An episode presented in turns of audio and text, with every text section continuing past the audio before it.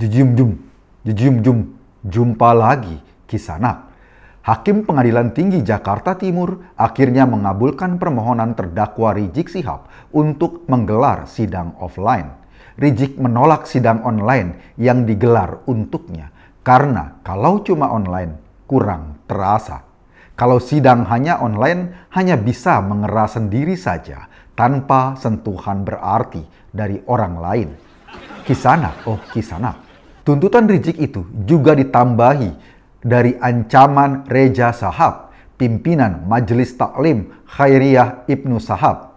Reja mengancam jika hakim memaksa Rizik sidang online, maka ia juga akan memaksa hakim dan jaksa masuk neraka. Tampaknya kisanak mudah bagi Reza untuk memasukkan hakim dan jaksa ke neraka. Ia mungkin punya jalur orang dalam. Bukan hanya itu, Kisanak. Dengan ancaman Reza, desas-desus selama ini yang beredar di masyarakat kian terbukti. Pintu neraka ternyata dijaga oleh satpam yang merupakan anggota laskar. Makanya, ketika semua orang masih bingung, pintu neraka dibukanya dengan cara ditarik atau didorong. Reja sudah tahu jawabannya. Ternyata digeser Kisanak. Kisanak, oh Kisanak. Sayangnya, sampai saat ini Reza tidak menjelaskan apakah kalau orang mau masuk neraka, pengunjung harus diukur suhu tubuh dulu dengan termogan. Tetapi Kisanak, biar bagaimanapun, protokol kesehatan harus diperhatikan. Jika melanggar protokol kesehatan, neraka dikhawatirkan akan terancam ditutup oleh Satpol PP.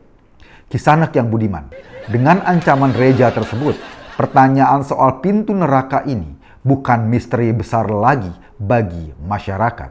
Saat ini tinggal satu misteri yang masih susah dicari jawabannya. Kenapa Rizik tidak pernah terlihat memakai pakaian yang ada resletingnya? Kisanak, oh kisanak. Selain Reza, ancaman juga datang dari Amin Rais Ancaman Amin lebih mengerikan lagi.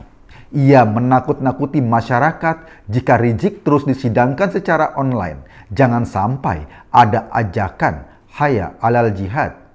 Ternyata kisanak, jihad yang selama ini ditampilkan dengan sangat menyeramkan itu bagi Amin hanyalah masalah online atau offline saja, tidak lebih.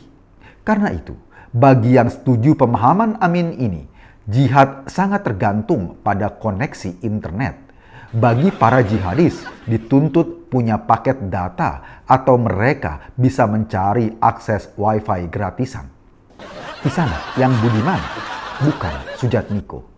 Amin Rais dan Reza sepertinya memang segaris dan seperantauan. Mereka berdua suka sekali membawa-bawa neraka dalam ancamannya. Belum lama ini misalnya, Amin juga memperingati Presiden Jokowi tentang neraka ketika membawa kasus enam laskar yang mati karena melawan petugas kepolisian. Kisanak oh kisanak, jika Amin dan Reza masih sibuk membawa-bawa neraka, lain lagi dengan Anies Baswedan. Anies malah mau membawa Formula E ke Jakarta. Meskipun pihak Formula E belum jelas kapan bersedia dibawa Anies ke Jakarta. Kisanak, begitu ngototnya Anies membawa Formula E ke Jakarta, bahkan sejauh ini sudah hampir satu triliun rupiah uang APBD digelontorkan Anies.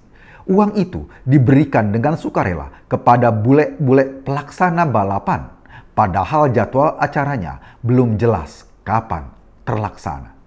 Kisanak oh kisanak, dalam APBD Jakarta 2021 Kabarnya masih ada lagi alokasi dana tambahan sebesar 400 miliar rupiah untuk kegiatan Formula E yang katanya akan digelar pada 2023 nanti. Aneh kisana. Saat itu Anies sudah tidak menjabat sebagai gubernur DKI Jakarta. Sepertinya Anies bukan hanya mau menyusahkan dirinya saja dengan proyek Formula E yang tidak jelas pelaksanaannya itu. Ia juga mau menyusahkan penggantinya nanti. Anies tidak mau susah-susah sendiri. masak-masak sendiri, cuci baju sendiri, tidur pun sendiri. Masak-masak sendiri, makan-makan sendiri, cuci baju sendiri, tidur pun sendiri. Bayangkan kisana, Jakarta setiap tahun harus mengeluarkan uang untuk membayar DP Formula E, tetapi pelaksanaannya tidak jelas kapan berlangsung. Nasib Jakarta seperti orang tua murid yang wajib membayar uang daftar ulang setiap tahunnya, padahal sekolahnya saja masih online. Anda sedang berada di channel paling update seangkasa raya. Lemesin aja bro. Terima kasih.